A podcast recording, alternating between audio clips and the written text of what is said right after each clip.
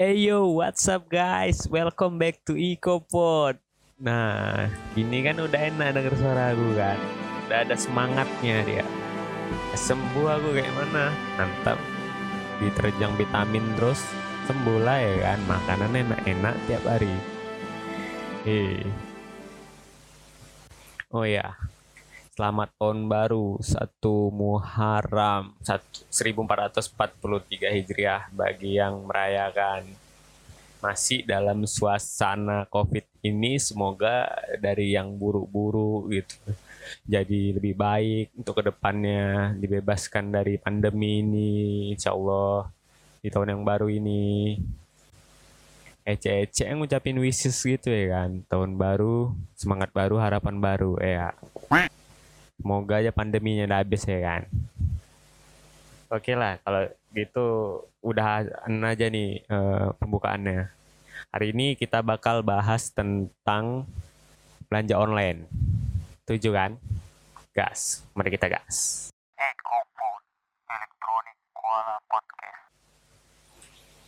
Kalau udah pandemi kayak gini ya kan, paling males belanja ke toko. Entah rame, sumpah panas semua lah orang pada males belanja ke toko sekarang ya kan? Ditambah pula mall pada tutup.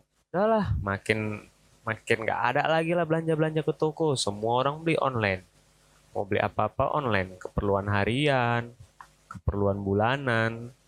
Belanja elektronik pun online sekarang. Udah nggak takut lagi orang saat ini udah banyak merebaknya aplikasi belanja online gitu kan. Terus aplikasi pembayaran online dompet digital supaya kalian lebih gampang lagi bayarnya.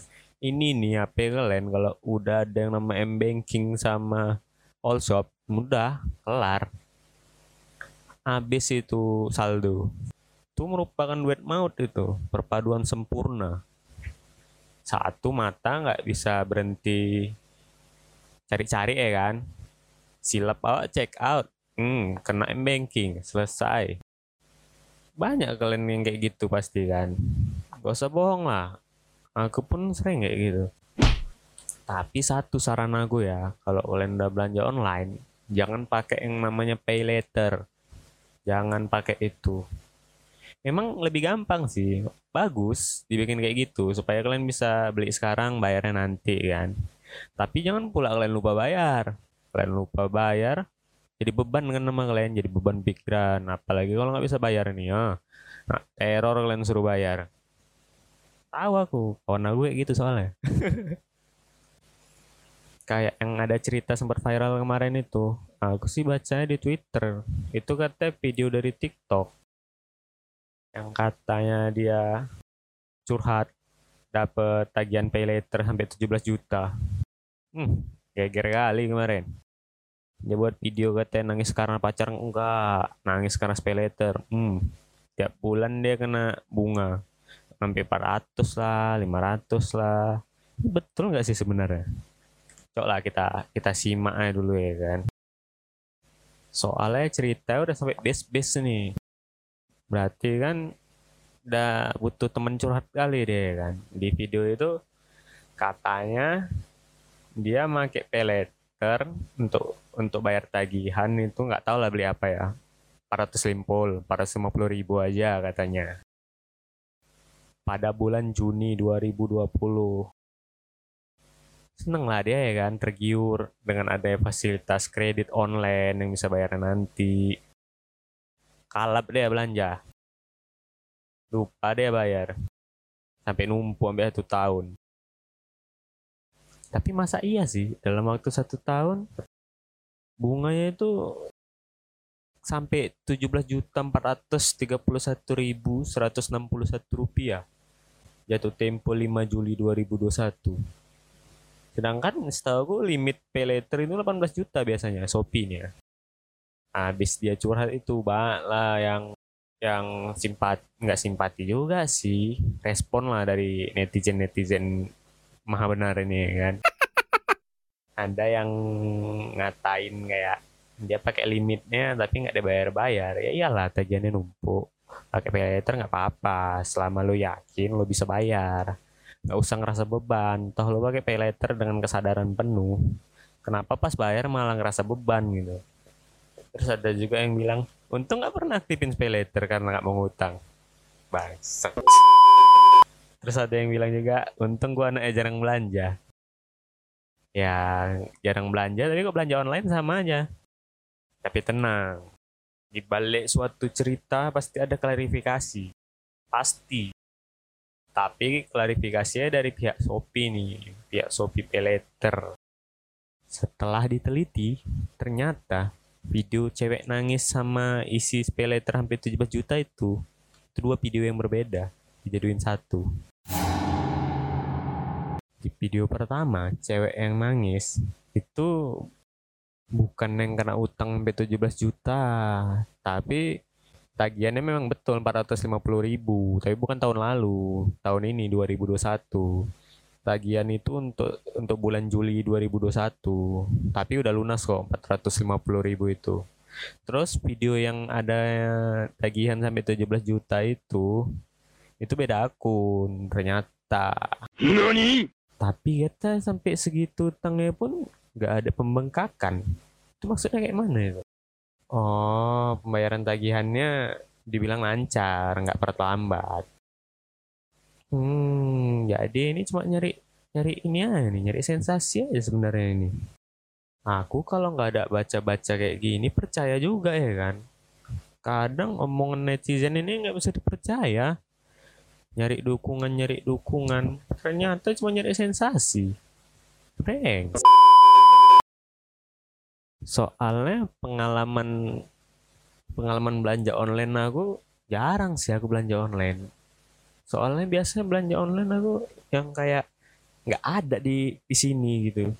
Bukan nggak ada males nyari gue ya. Ya rata-rata yang gue beli itu barang elektronik semua gitu. Karena memang semenjak pandemi lah baru mulai punya akun-akun kayak gini. Malas keluar malas nyari ya kan. Udah beli online aja. Bayarnya bayar Indomaret, Alfamart, kayak gitu ya. Nggak susah. Nggak usah pakai m banking habis nanti duit aku. Udah gaji nggak seberapa eh. Bos bisa lah bos naik gaji bos ya. Teranyar sih aku. Pernah kemarin kan beli minuman minuman minuman Jepang gitu kan minuman dari Jepang. Beli online karena aku nggak tahu di sini jualnya di mana. Udahlah aku belilah dari Shopee kan. Aku beli tiga. Karena pikir rasanya beda-beda. Aku beli tiga pakai pengiriman yang hemat. Karena pada waktu itu dari yang reguler ke hemat itu jauh jaraknya. Ya udah kalian aja beli yang hemat nunggu. Nggak apa-apa lah rentang satu minggu ya kan. Lewat seminggu tunggu rupanya barangnya nyangkut di drop point terdekat gitu. Pecah rupanya atau kalian? Yang pecah bukan botolnya tutupnya. Jadi kuat. Kacanya kuat tapi kalau tutupnya pecah atau tutupnya itu kegeser dikit aja nggak dilapisin nggak dilapisin busa itu udah bocor itu minuman. Nam namanya Ramune tau kalian? Ramune Hatta jadi memang orangnya klarifikasi dulu orang ekspedisi kan. Bilang orang itu bang ada pecah nih satu. Ya udahlah aku suruh antar aja lah karena aku kira kan bisa di retro setelah barangnya nyampe gitu ajukan keluhan. Nyampe lah barangnya aku terima. Pas aku buka aku bikin lah videonya waktu buka udah pecah kayak gini. Aku lapor. Tuduh-tuduhan orang itu. Pihak toko sama pihak ekspedisi tuduh-tuduhan dari pihak toko.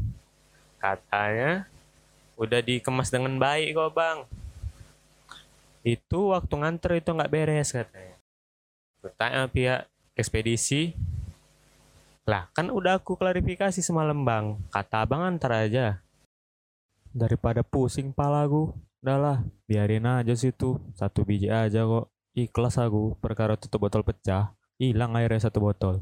Kesel aku gue kan nggak ada yang tanggung jawab kayak gini cerita aku sama kawan aku yang kurir via chat singkatnya kayak gini percakapannya gue bilang lah boy kayak mana ini barang yang gue pesen online ada kerusakan nggak ada yang mau ganti dijawabnya pakai adu nasib customernya dia bilang gini Kau masih mending. Ini ada kostum ragu. Beli mobil remote harga 30 ribu. Tahu kau apa yang datang?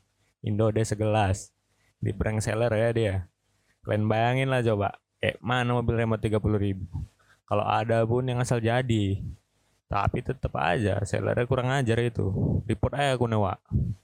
Masa dikasih Indodes? Kasihan kali wak itu. Sebenarnya aku nggak enak cerita kayak gini. Tapi kayak mana ya kan tuntutan kerjaan. Ada satu cerita lagi nih dari kawan aku gitu kan. Dia uh, reseller salah satu brand kecantikan terkenal di Indonesia. Gak usah sebut merek lah, inisial aja. Oriflame tahu kalian kan? Hey! Itu udah terkenal kali itu di Indonesia kan. Banyak reseller di mana-mana. Jadi ku cerita singkat aja nih. Pas nyampe itu kan dia kan order untuk orang kan. Ada barangnya satu parfum yang tumpah karena tutupnya nggak ketat. Nah, cerita hampir-hampir sama lah ini sama botol Ramunia aku tadi. Terus yang punya parfum itu, oh itu nggak usah aku baca lah ya kan. Terus dia konsul lah ke upline-nya karena parfum yang tadi tumpah di retur dia lah dikirim balik parfum yang uh, tumpah tadi lengkap sama dokumen-dokumen yang semua yang diperluin. Dia lapor ke CS juga tapi sampai empat hari nggak ada masuk pemberitahuan gitu kan. Sementara dia kirimnya pakai JNE harusnya kalau udah JNE nyampe itu gudangnya karena satu kota. Gudangnya di sini juga ada kok. Sabar lah dari nunggu kan karena pikir mungkin prosesnya memang agak lama udah seminggu lebih gitu dia kan. Dia pergi pergi lah dia ke kantor Oriflame yang di di mall gitu. Mau ngambil barang biasa lah ya kan. Karena trauma barang itu tumpah tadi. Gila dia ke mall itu. Sekalian lah ditanya eh statusnya status parfum tumpah tadi. Jadi setelah langsung dia ngadu ke CS yang di sana yang di mall itu langsung masuk email pemberitahuan dua hari kemudian. Eh masuk email yang hari itu juga dua hari kemudian barangnya nyampe. Itu parfum gantinya sama biaya kirim biaya kirimnya dikembaliin ke akun ke akun dia. Kirain prosesnya yang lama. Rupanya memang dia yang dicuekin.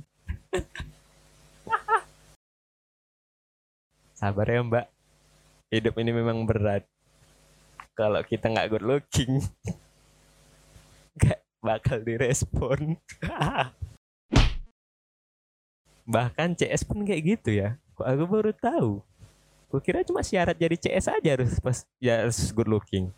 Rupanya syarat jadi user juga kayak gitu ya, pelanggan. Bicara tentang pengalaman beli online, kawan aku pernah ini kan. Pengalaman terburuk dalam hidupnya. Perlu ku spill nggak nih? Gak usah lah, kasihan. Kawan baik ya. Kan? Jadi dia pernah cerita kayak gini. Kawan dia ada yang order gitu. Entah order apa entah skincare entah apa gue lupa gitu kan dia cerita. Jadi kawannya ini beli itu kepencet atau enggak kayak mana. Soalnya dia cuma mau masukkan keranjang aja. Rupanya kepencet cek check out biaya antar lebih mahal dari produknya. Jadi waktu itu juga mau dibatalin dia. Nggak bisa karena COD nggak bisa lah di cancel barang tadi. Dia udah mau coba cancel gitu. Ceritanya di ceritanya pas barangnya nyampe bingung dia. Kayak mana lah nih bayarnya? Bukan karena apa ya? Lagi nggak megang duit entah kayak mana nggak tahu lah gue kan ceritanya. Betekak lah dia sama kurirnya katanya. Memang nggak ada di pesennya. Dikasih tunjuk lah buktinya. Dia pakai akun yang ini nggak ada akun satu lagi nih ada bang nih pakai HP satu lagi kan? Nggak ada juga kan? Lupa dia pakai HP mama ya memang kurang ajar kawan aku itu satu lagi tuh. Sampai dibongkar abang itu kakak beli ini kan? Itulah dikasih tahu dia di HP-nya tuh. Nggak ada kan bang? Aku memang nggak ada beli bang katanya. Bingung lah bang itu kan kurirnya. Sebenarnya kok direktur sama dia nggak apa-apa barang balik ke gudang satu. Tapi entah apa dipermasalahkan. Memang is kasihan kali lah sampai udah mau nangis aku kemarin gemeteran kata kawannya itu Padahal memang kesalahan dia. Dia nggak jadi beli karena memang ongkirnya lebih mahal dari yang diordernya itu. Pengalaman tentang kurit juga ada nih kawan aku yang bertekak sama CS atau kayak mana lah tadi ceritanya kan. Jadi zaman sekarang kalau mau ngurus ke bank itu kan susah. jadi tau lah kalian kan dompet dompet online yang punya bank itu bisa ngirim uh, kartu ATM tanpa harus ke banknya. Jadi dia diantar online nanti diantar ke alamat rumah pengguna. Kawan aku pakai metode itu. Dia pakai Ninja Express kan. Jadi pas dia lacak statusnya udah diterima pada tanggal 6 Nah, bingung lah dia kan. Sementara dia nggak ada nerima apa pun gitu. Dia ngelapor ke CS. Kak, status saya lacak kok udah diterima. Padahal saya nggak nerima apa-apa katanya. Atas nama saya udah ditandatanganin. Dikirimnya sekalian buktinya kan. Jadi dibilang CS-nya, oke nanti ditelusuri lagi ya bang katanya. Dari email ini. Besoknya di chat lagi sama dia, bener kata CS udah diantar itulah dikirim bukti dari si kurir. Kalau fotonya itu nggak diterima sih masih depan pin dia motonya foto pagar orang udah gitu aja foto pagar orang. Ya dia marah lah ini bukan rumah saya mbak katanya. Barangnya juga nggak ada nyampe sama saya. Terakhir setelah perdebatan yang cukup panjang baru tuh barang diterima semalam malam sore sama orang tuanya. Tiga hari telat dua hari atau tiga hari gitulah. Tapi statusnya udah diterima sebelum barang nyampe ke dia. Aneh ya kadang-kadang banyak yang kayak gitu. Kayak kemarin kami juga beli beli pizza lah ini. Dari kalian tahu yang panjang-panjang itu kan? Hmm. yang sempat hype kemarin. Kami coba lah mau beli. Atau orang kok bukan apa ya? Ya pengen ngerasain aja lah udah. Dah kami order langsung dari aplikasinya orang itu kan punya aplikasi juga kan. Nggak lama orderan disiapkan dibuat gitu kan. Eh kok tiba-tiba orderan selesai? Bingung lah kami. Nunggu sampai satu jam barang nggak nyampe-nyampe.